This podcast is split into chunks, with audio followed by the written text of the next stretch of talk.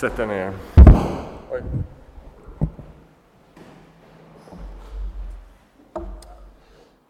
Idag har vi, eh, nu ska vi se, har jag satt på den, har jag gjort. Idag har vi eh, tillbett Gud på minst tre språk. Det kanske är någon som har tillbett Gud på något annat språk. Men vi har tillbett Gud på svenska, på engelska och spanska. Kanske på något annat språk. Och eh, det slog mig när vi, när, vi, när vi sjöng här på spanska att för det vi sjöng nämligen var en strof ifrån, ifrån Uppenbarelseboken till han som sitter på tronen. Och eh, Uppenbarelseboken talar också om att hur en dag vi ska se ett folk ifrån alla länder och stammar och språk som tillber honom och sjunger ära inför tronen och väck äran och makten och väldet tillhör vår Gud. Så egentligen vad vi har varit med om idag, även om inte du talar spanska som mig, så har du fått en försmak på, på faktiskt vad Guds rike handlar om. Ett folk från alla jordens stammar och folk.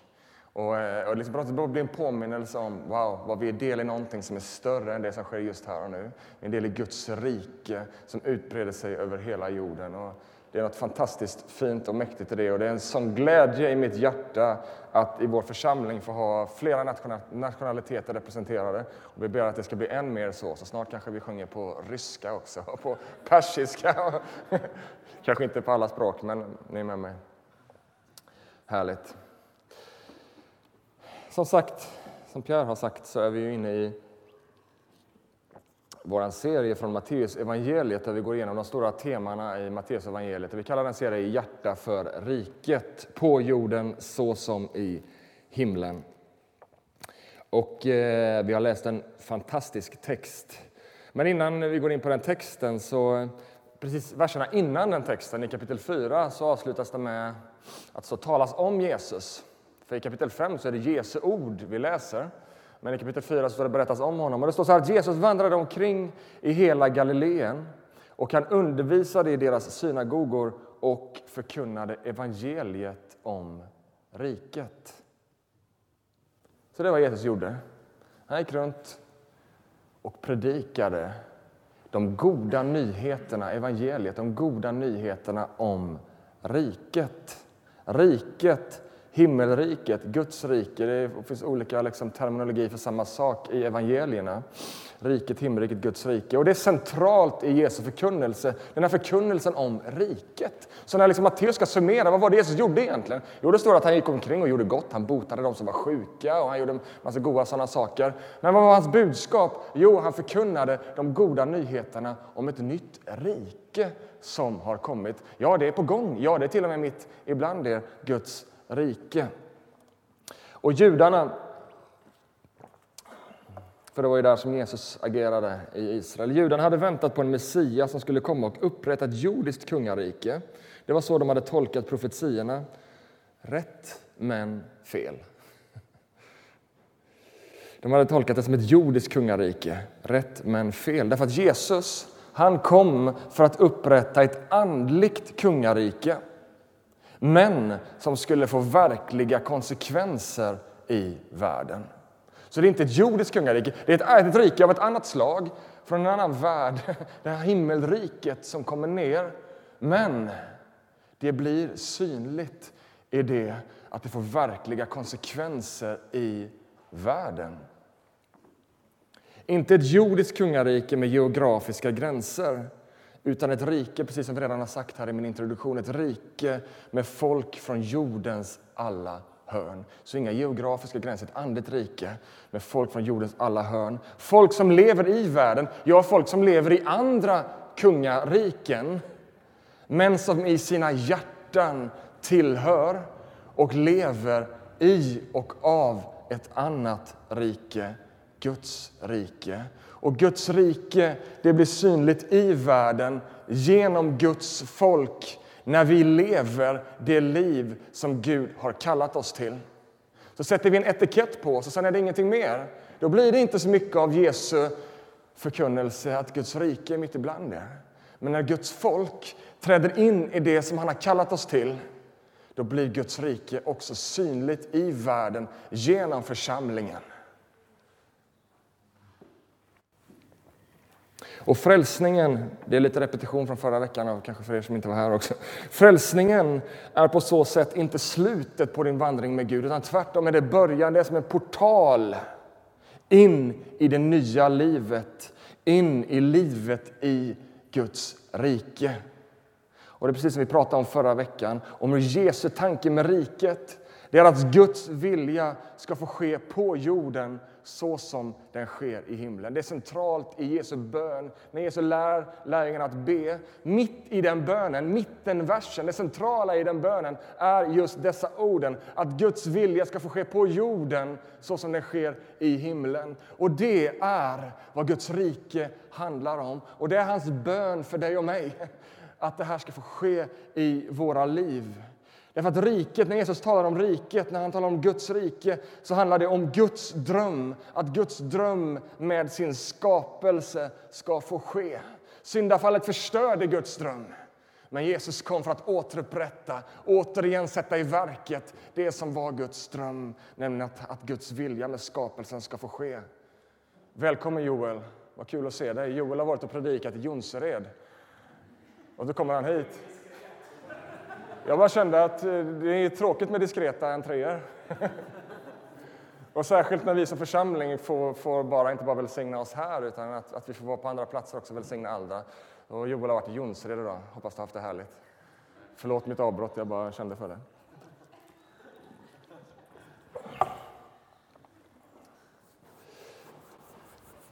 Så det är alltså ett centralt i Jesu undervisning är just riket. Och idag så har vi läst eh, Inledningen till Jesu längsta och mest inflytelserika och också kanske då mest kända predikan, nämligen vad man kallar för bergspredikan. Och varför heter det bergspredikan? Ja, det är inte något mer dramatiskt än att han troligtvis predikade den här på en bergsluttning, eller i bergstrakter. Och I och med att det står att han gick upp på en bergsluttning i texten vi läste så var han väl på en bergsluttning då och predikade den här predikan. Eh, och eh, vi kommer nu faktiskt under sju söndagar utlägga bergspredikan så vi inser att liksom, eh, det finns en del innehåll i den här predikan som Jesus levererar. Så sju söndagar kommer följa den här. Och den är ganska lång och man brukar dela in den i olika delar och det har vi också gjort. Så första delen är vad man kallar för saligprisningarna. Eller om man pratar latin kan man säga beatituderna. Men eh, saligprisningar, det är liksom vad, vad som är introduktionen till, till den här texten. Eh, och varför liksom heter den saligprisning? Jo, det kommer sig av att Jesus börjar hela predikan med att tala ut, kanske inte främst vägen till salighet, utan snarare en form av bekräftelse av att de som följer Kristus och de som lever det här livet i riket, de är att skatta sig saliga. Det är det primära, inte jakten på salighet som sådan, utan snarare så att det är en bekräftelse av att ni som lever det här livet, ni är att skatta er som saliga. Och jag tror att vi också behöver koppla det här till Jesu, tan alltså Jesu tanke kring det här med resten av predikan. Där Jesus fortsätter i bergspredikan om att på ett konkret sätt visa hur vi är kallade att leva livet i riket. Och med det livet finns det en salighet. Och det är ju ett saligt ord, det här ordet salig. Salighet. Och eh, Jag ska också säga det innan jag kommenterar något mer om salighet, att bergspredikan, alltså, jag tror inte främst man ska se det som en instruktionsbok, där vi liksom ska lära oss instruktioner för hur vi lever det goda, perfekta livet. Utan jag tror snarare vi ska se det mycket mer som en kallelse, som en inbjudan ifrån Kristus till att leva ett helt nytt liv. Liksom, det är en kallelse att leva gudsrikeslivet, Jesuslivet. Det är liksom inte en instruktionsbok. Du ska börja med punkt 1, 2, 3. Jag tror inte det fungerar så. Utan det här är en inbjudan ifrån Kristus att leva det nya livet. Och i det livet så finns det en salighet som kanske då är ett konstigt ord för oss, salig. Men det är ett ganska bra ord. Och nu för tolkningen här på engelskan så, så, så används ordet blessed i de flesta översättningar, alltså välsignad. Alltså välsignade den. Och det kanske inte är det mest perfekta översättningen. Där tror jag salighet är en bättre översättning av det här ordet. Därför att Jesus han använder ett ord som är makarios. Och det är liksom eh, på något sätt handlar om salig, lycklig, välsignad. Alltså det är liksom en rik innebörd i det här ordet. Det finns en välsignelse, absolut, men det finns också en salighet. Man ska liksom Man ska känna sig wow, wow, tänk att det här är mitt. Det ligger i det här ordet makarios. Eh, och en del hävdar att kanske bästa översättningen är till och med ordet blomstrande. Att blomstrande är ni som lever det här livet i riket. Det finns ett blomstrande liv i att följa Kristus. Det innebär att för dem som lever det liv som Gud har kallat oss till, där finns det en glädje. Där finns det en salighet, där finns det en tillfredsställelse. Ja, där finns det ett blomstrande liv, det goda livet. Och kopplat till det här lite med blomstrande är en ganska bra term, för om man fortsätter med blomstrande, man tänker blomsterrabatt. Hur blir en blomsterrabatt blomstrande? Jo, blomsterrabatten behöver rätt förutsättningar. Rabatten behöver rensas. Växten kanske behöver beskäras och ansas för att den ska blomstra i all sin prakt. I Guds tanke för människan så finns ett blomstrande liv, en vision om det goda livet. Men precis som för växten som behöver ansas så det här Gudsrikeslivet det handlar liksom inte om minsta motståndets väg. Att lycka skulle vara ett liv utan liksom smärta. Det är inte den bilden Bibeln målar. Att lycka skulle vara avsaknad av det som är lite jobbigt. Och vi har en god vän, och det är flera här inne som känner henne, så ni kanske vet vem jag pratar om. Men hon, hon, eh, hon eh, kom från ganska tuffa förutsättningar i ett land i öst Eh, och fick möjligheten att komma hit till Sverige. Hon blev också erbjuden ett ganska gott liv, att stanna kvar här i Sverige och få ha ett, ett riktigt bra liv. Hon fick väldigt goda förutsättningar här, att stanna här. Men hon valde ändå efter ett tag att flytta tillbaka. Och när vi frågade så sa hon med orden så här. Vem har sagt att ett lätt liv är ett lyckligt liv? Och det ligger så mycket sanning i de orden. Vem har sagt att ett lätt liv är ett lyckligt liv? Jesus kallar oss inte till ett lätt liv. Det är liksom minsta Mose, bara glid fram genom livet. Han kallar inte dig till ett lätt liv, men vet du vad han kallar dig till? Han kallar dig till ett rätt liv. Och det är väldigt, väldigt stor skillnad. Därför att göra det som är rätt är inte alltid lätt. Men att göra det som är rätt, det leder till en salighet. Det leder till ett liv i, där det finns en blomsterprakt, Där det finns liksom wow. Och du kanske någon gång har ställt dig frågan, jag har gjort det ibland, och du kanske också har ställt dig frågan om Gud vill att du ska vara lycklig. Om Gud vill att du ska vara tillfredsställd. Om Gud vill att du ska må bra. Jag vet inte om någon har ställt sig, det ser ut som att några här inne har ställt sig den frågan. Lyssna nu till ord från Jeremia 29.11 där Gud säger till sitt folk Jag vet vilka tankar jag har för er nämligen fridens, shalom, fridens tankar för att ge er en framtid och ett hopp. Guds vilja för dig är makarios. Guds vilja för dig är salighet, Guds vilja för dig är lyck, tillfredsställelse. Guds vilja för dig är shalom. Frid, shalom, ett sådant rikt ord så vi kan nästan inte beskriva det. Frid, helhet, fullhet. Det är hans tankar för dig. Och varför tar jag upp det här ordet shalom? Jo, därför att makarios, i det ordet finns det kopplingar tillbaka till ordet shalom. Så de här hänger ihop. Det liksom finns ett liv för oss som troende, för oss som följer Kristus. Det här är Guds tanke för dig mitt i en brusten värld. Och det där, det kommer vi inte ifrån. Brustenheten kommer vi inte ifrån. Vi lever, man kan tänka att Bibeln målar en så fantastisk vision, absolut. Men vi har sagt det förut, redan nu och här, men ännu inte. Det är liksom den bilden vi ser i Bibeln. Att redan nu och här finns det en välsignelse, finns det en glädje i Gud. Men en dag finns det en fullkomlighet i honom.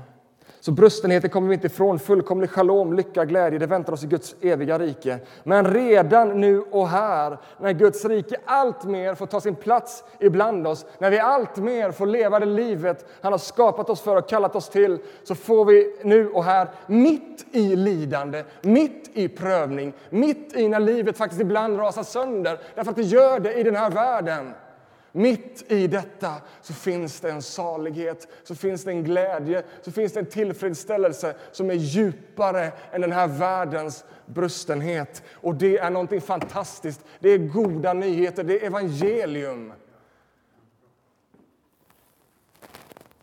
Framgångsteologi är en lära vi i den här kyrkan tar avstånd ifrån.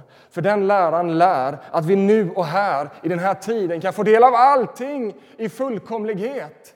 Vi behöver ingen himmel, för den ska ju redan vara här och nu.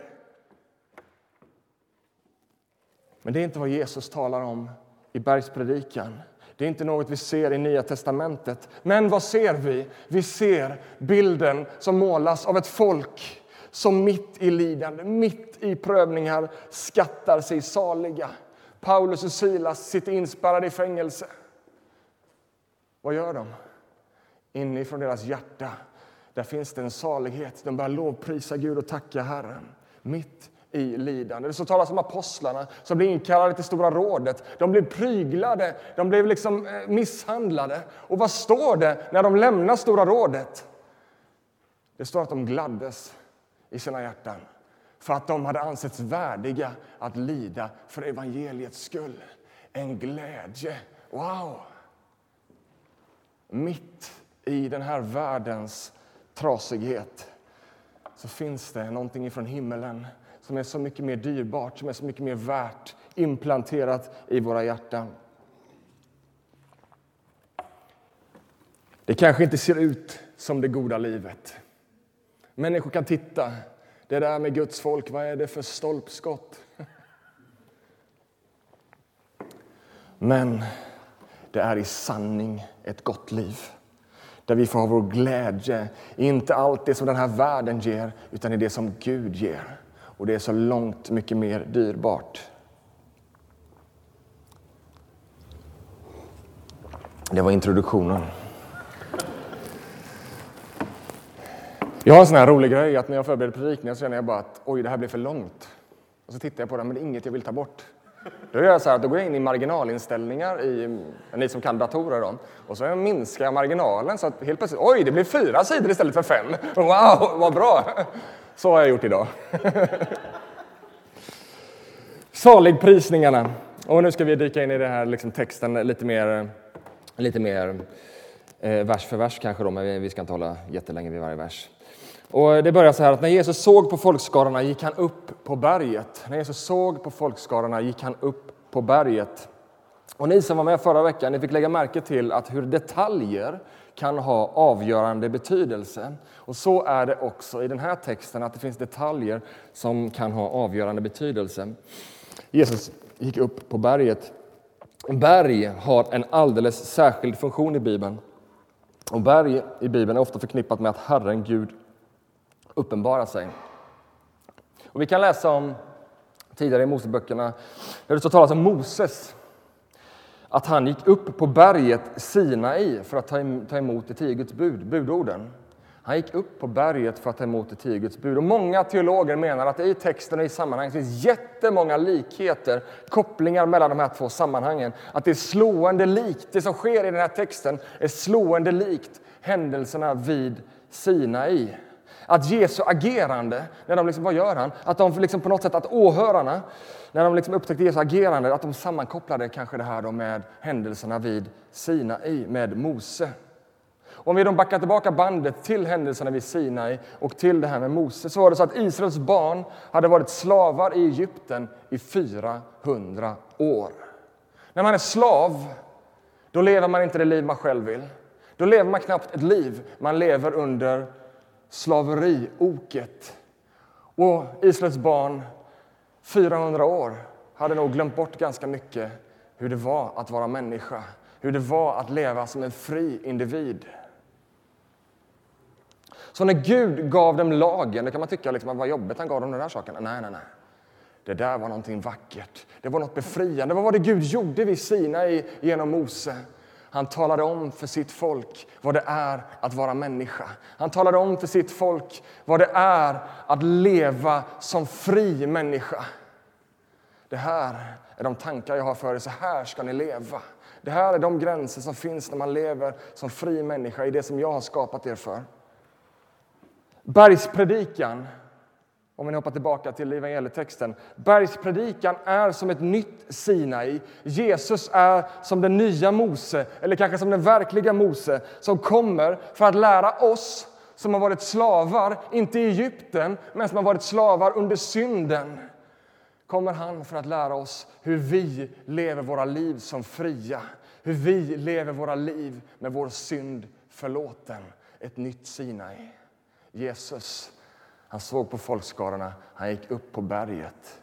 Wow, vad finns här? Jo, ett nytt Sinai. Jesus kommer till dig och mig med ett nytt liv. Hur vi ska leva våra liv. En förnyad vision om livet i riket, ett liv där vi blomstrar.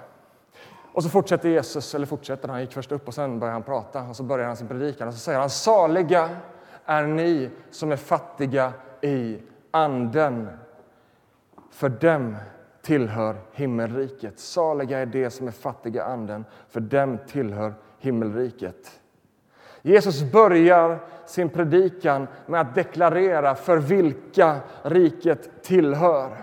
Och Han gör det på ett sätt som vänder upp och ner på allt vad elitkristendom heter. Och har du varit i kyrkan ett tag så har du mött på de här människorna som håller på med elitkristendom.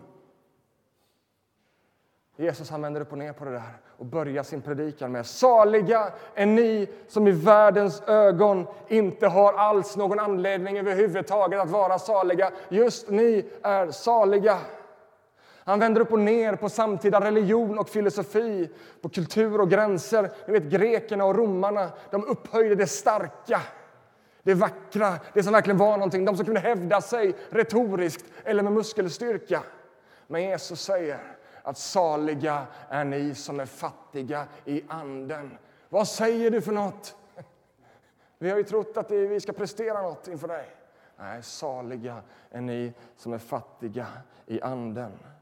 Och det här med fattiga i anden det är inte på något sätt en hyllning till en svag och tveksam tro där vi vurmar det här att liksom, ja men Gud, jag vet inte, men lite kanske han finns. Eller, nej, nej, nej, det är inte vad det handlar om.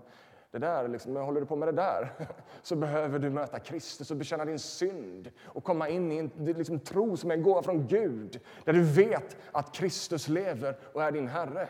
Sen kan vi tvivla, vi kan vackla, det kan vi göra. Men tvivel är något annat än att liksom leva i otro och liksom bara hela tiden vara som en vindflöjelse i skriften som flyger fram och tillbaka. Nej, det där är inte vad han talar om, att salig och vara fattig i anden. Utan snarare så talar han om att vi ska få en insikt om vår hjälplöshet utan Kristus. Utan Kristus är vi nämligen inte bara fattiga andligen. Därför att utan Kristus är vi fullkomligt bankrupt. Utan Kristus har vi ingenting att visa upp, ingenting att komma med. Och där är de goda nyheterna att Kristus kommer till dem som är fattiga i anden. Och vad kommer han med? Jo, han kommer med all sin rikedom. Och han ger oss hela sitt rike, bjuder oss in.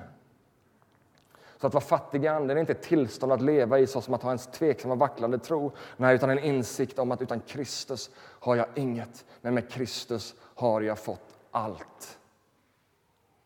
Men det verkar också vara så, det är något som de här genomgående tema i, i saligprisningarna, det verkar också vara så att Jesu ord också adresserar verklig fattigdom i den här världen. Verklig fattigdom, fysisk fattigdom. Jag tror inte det ena utesluter det andra. Teologer dividerar. Är det liksom, vad pratar han om? Är det liksom fysisk fattigdom eller andlig fattigdom? Och kanske är det både och.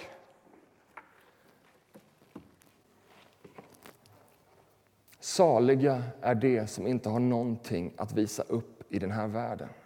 Fatta vilket hopp för dem som levde där ute, liksom utanför Kapernaum, liksom utanför staden, i fattigdom. Liksom, hade inte mycket att visa, de hade inte mycket att komma med jämfört med de fina människorna inne i staden, jämfört med den religiösa eliten. De hade inte mycket att komma med. Men Jesus säger, saliga är ni som inte har någonting att visa upp i den här världen. Det som inte har styrka i den här världen. Saliga är ni som är fattiga, ni som är utsatta. För det ni saknar i den här tiden, i den här världen är ingenting i jämförelse med det som ska bli ert i den eviga världen. Bara den insikten ger en salighet. Och faktum är att det verkar vara så om man tittar ut över världen och genom kyrkohistoria och även ut idag. Att det verkar som att de som är fattiga i den här världen på något sätt har en större benägenhet att ta emot den här saligheten, den här glädjen. Man kan komma till en by i Afrika, man undrar, vad, vad, liksom, har ingenting. Och de är så saliga och glada. Och när det är gudstjänst så hoppar de och dansar. För att de har fått möta någonting som är så dyrbart i Kristus. Saliga är de som sörjer, för det ska bli tröstade. Och jag ska inte hålla på lika länge vid varje punkt som jag gjorde vid första, men men Jesus fortsätter på något sätt med samma tankegång genom hela saligprisningen. Att saliga är det som lever med insikten om sitt behov av Gud. Saliga är det som sörjer, för det ska bli tröstade. Jag tror återigen att Jesus här kanske låter ta både det andliga och det jordiska perspektivet i syfte. Att salig är du, om vi nu pratar om det andliga, salig är du som sörjer över syndens verk i ditt liv. Salig är du som liksom, åh, det är inte så himla bra med mig. För att den insikten befriar dig och driver dig till Kristus. Därför är också det en salig insikt. Men också, salig är du som gråter över syndens konsekvenser i den här världen. Inte bara i ditt liv, utan när du ser ut över världen, när du ser lidande, när du ser orättvisor. Så riktas ditt hjärta till Gud i bön. Romarbrevet uppmanar oss att gråta med dem som gråter. Som Guds folk är vi kallade att be och arbeta för att världens orättvisor utplånas. Därför att Jesus, han är och färde med vad då? Att återupprätta sin skapelse. Och du och jag är kallade att vara med. Därför gråter vi över det som finns kvar av orättfärdiga beteende i mitt liv. Men jag gråter också med dem som gråter i den här världen. Men lyssna nu. Det är inte en gråt som gör oss deprimerade. Det är inte en gråt som gör att vi behöver ta på oss säck och aska. Utan det är en gråt som gör oss saliga. Saliga är det som sörjer. Kristus, därför att Kristus har kommit till vår tröst. Och det är den verkliga saligheten. Så vi fastnar inte i vår sorg som i någon form av depression. Det är inte det det handlar om. Utan det är en sorg som leder till omvändelse i våra liv. En sorg som riktas till bön och förtröstan på att Gud har allting i sin kontroll. Saliga är de ödmjuka, för de skall ärva jorden. Ödmjukhet var ingen dygd i antiken. Ödmjukhet var för mesar. Det är liksom därför det är precis tvärtom. Liksom Jesus säger att de som är ödmjuka ska ärva jorden. Vad säger du? Det är, så funkar det ju inte. Det är ju vi som roffar åt oss, som tar för oss. Det är vi som får ärva land och mark. Det är vi som får liksom, eh, positioner. Jesus säger nej, så är det inte i mitt rike. Saliga är de ödmjuka. Det ska ärva jorden. Ödmjuk, det är någon som inte roffar åt sig. Utan det är det som tar emot Guds gåva som nåd och inte som något man förtjänar. De ska få ärva Guds nya himmel och Guds nya jord. Men det här är också ett hopp, tänker jag, till de som vare sig har land eller mark i denna tiden. Att i Guds eviga rike, där är vi alla medarvingar. Där får vi alla ärva hans rike. Där får vi alla ha vår plats och ingen är för mer än den andra. Ett hopp för den som lever utan goda förutsättningar i den här tiden. Saliga är de som hungrar och törstar efter rättfärdighet, för de skall bli mättade.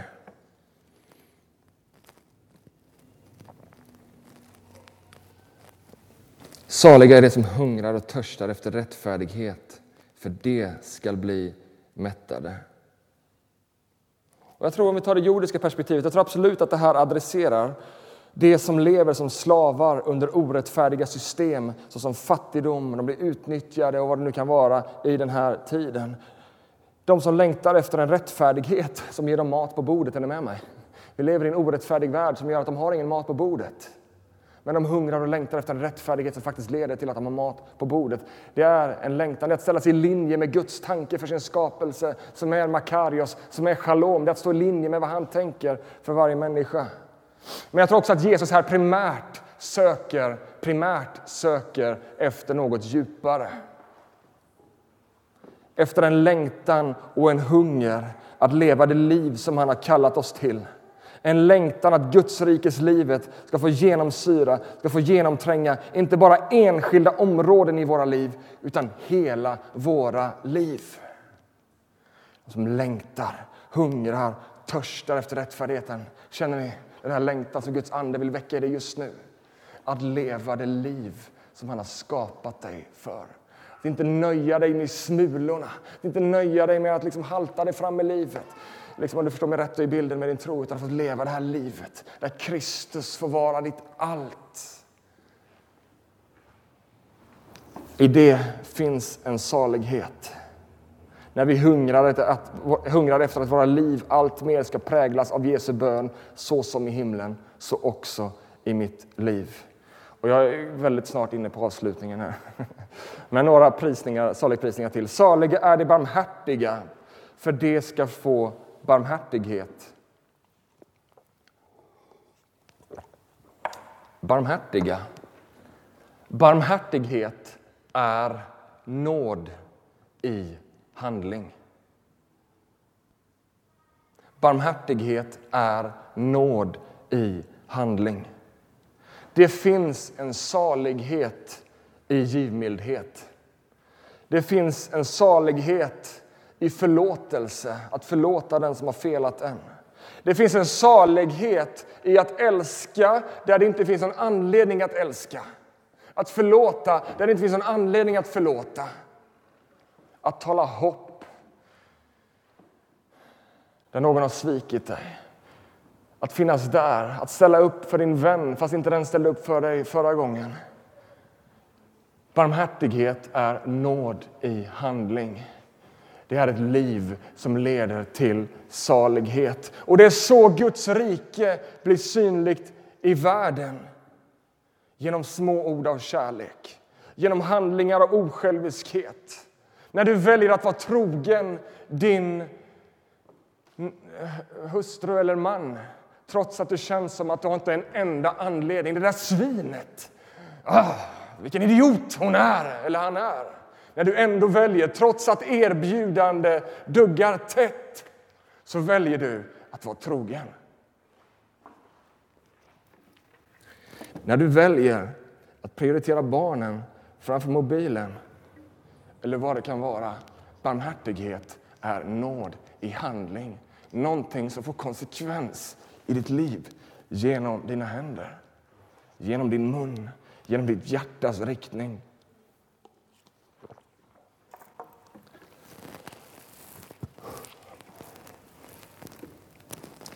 Saliga är de barmhärtiga, för de ska få barmhärtighet. Saliga är de renhjärtade, för de ska se Gud. Psalm 24, vers 3-4 säger Vem får gå upp på Herrens berg? Vem får ställa sig på hans heliga plats? Den som har skuldfria händer och ett rent hjärta. Den som inte vänder sig till meningslösa gudar den som inte svär falskt.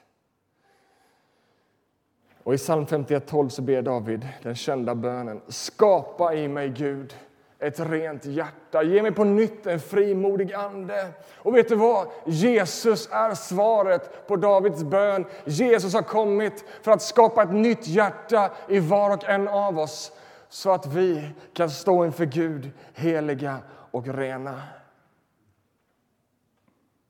Men det är också en kallelse att i ditt liv leva med ett rent hjärta, ett pågående verk. Ett pågående verk i att vilja leva helhjärtat för Gud. Saliga är det renhjärtade. Och det där ordet renhjärtat skulle man kunna, kalla, liksom, skulle man kunna översätta till att, eh, liksom, att ha ett hjärta som har, inte har ett delat eller splittrat fokus. Saliga är det som har ett hjärta som helhjärtat är riktat mot Gud. Augustinus en gigant bland teologer. Man kallar honom för en kyrkofader. Han levde på 300-400-talet. Han uttryckte det så här väl med sin bön och längtan. Du, o Gud, har skapat oss för dig och vårt hjärta är oroligt tills det finner sin vila hos dig. Varför finns det en salighet i att leva renhjärtat, att ha sitt hjärta riktat mot Gud? Jo, därför att Gud har skapat dig. Han har skapat dig för gemenskap med honom.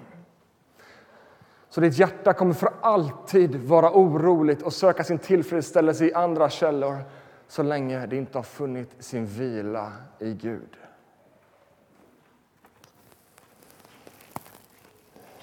Saliga är det som skapar frid, för de ska kallas Guds barn. Gud vill återupprätta sitt shalom. Guds rike är ett fredens och fridens rike. Guds rike är ett rike av helhet och fullhet. Och ett av Jesu namn, eller liksom en av Jesus titlar i skriften, är att han är fridsfursten. Prince of Peace på engelska, det låter ju fantastiskt coolt. Fridsfursten. Han har kommit med frid till en värld som desperat behöver frid. Och han har sänt oss ut med denna frid att förmedla budskapet om hopp i Jesus Kristus till världen. Att vi ska få komma med honom som är den sanna fredsmäklaren till världen, budskapet om Jesus. Men också att våra liv i ord och handling får förmedla fred och frid. Skapa fred och frid. Och nu är den sista saligprisningen. Att saliga är de som blir förföljda för rättfärdighetens skull, för dem tillhör himmelriket. Saliga är de som blir förföljda för rättfärdighetens skull, för dem tillhör himmelriket. Och så fortsätter texten. Saliga är ni när människor hånar er och förföljer er och ljuger och säger allt möjligt ont om er för min skull. Gläd er och jubla, för er lön ska bli stor i himlen. Är ni med mig? Vad är det här för konstiga ord Jesus säger? Salig, lycklig, välsignad, glad ska du vara när människor snackar skit om dig för att du är en kristen, för att du får stå upp för andra värderingar. Den här världen har ju sitt mönster av hur vi ska leva våra liv. Och det, är liksom, det här är det lyckliga livet, här är det goda livet, gör så här. Och liksom, åh, man bara jagar överallt. Och så kommer Kristus. Nej, nej, nej. Det där är en lögn. Men här finns ett liv för er. Att leva som leder till verklig glädje. Det kanske är ett liv där människor kommer skratta åt det och undra vad är det där för människor? De lever ju som om det vore 1702 eller 1101 eller århundra eller jag vet inte vad de är. Liksom vilka mossiga idioter. Men du vet, Gud har skapat oss och han vet vad som är ett gott liv för dig och mig. Och Det bara slog mig när jag förberedde det här. Du vet att I vår tid finns det liksom populära tankar. Varje tid har sina populära idéer liksom det, som formar vår samtid. Och Det där förändras ju över tid. Så menar, det som är råder nu var ju något helt annat för bara 50 år sedan, 200 år sedan, 300 år sedan. Men vet du vad? Gud, han är inte skapad igår. Gud, han uppstod inte för 100 år sedan eller 300 år sedan. Gud är av evighet. Hans moral och etik, hans tankar om det goda livet, hans tankar om sexualitet, hans tankar om pengar, hans tankar om liksom det ena, trohet och det ena med det andra. Det är tankar som är av evighet. Så när den här tiden svänger med populära tankar hit och nu ska vi tänka så här, och nu ska vi göra så här, och nu ska vi så här, och nu ska vi ändra det här, och nu ska vi... Det där kommer och går. Men vi blir så urbota påverkade. Och vi tycker det är jobbigt med att Bibeln säger någonting annat. Men Gud kallar ett folk som vågar leva över den här tidens normer, över den här tidens tankar och idéer. Som vågar leva av det som är gott i evighet. Av det som leder till salighet nu och här och i den eviga tiden. Alltså jag blir inspirerad varenda söndag. Vad är det för fel på mig? Oh. Nu tog jag bort mitt utkast här också, kanske var lika bra.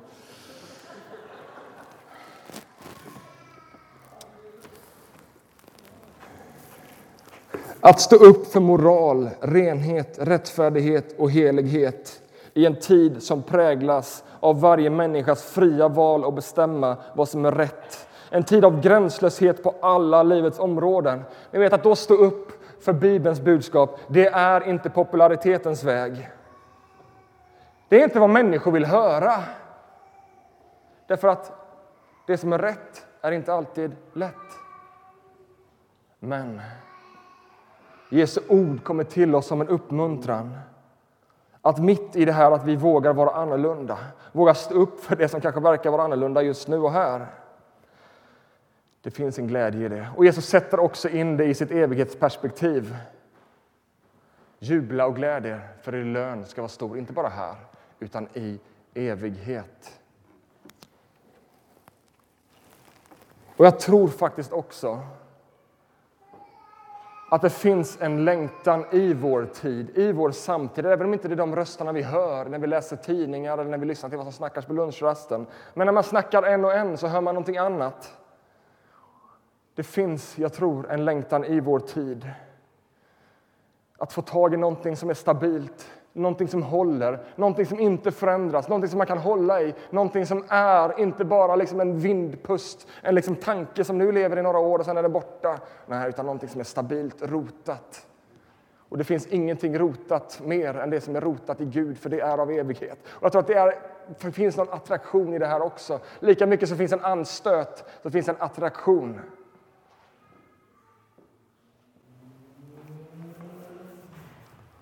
Och det erbjuder faktiskt en annan väg att sluta jaga efter lycka, sluta jaga efter tillfredsställelse. Liksom, för det är en jakt att hela tiden liksom bara hitta det här goda livet. Där kommer evangelium till oss som en annan väg som en väg av sann befrielse, där vi bjuds in till en ny begynnelse, där vi får komma till ett nytt Sinai, där vi får ta emot och bli en del av Guds eviga vision för det goda livet, ett liv i sann makarios, i sann shalom. Och till sist, vi är ett eskatologiskt folk, som tre av er här inne förstod vad det är för någonting. Det, är, det innebär att vi är ett folk som lever med evigheten inom oss. Vi lever inte bara för det som är nu. Vi lever för en evighet och vi bär redan nu och här den här evigheten inom oss. Vi vet att livets mening och mål är inte att maximera njutning nu och här. Därför att detta är bara början. 70-80 år, sen är det slut fattigdom. Gud har skapat dig för en evighet. Och vilken vila det blir.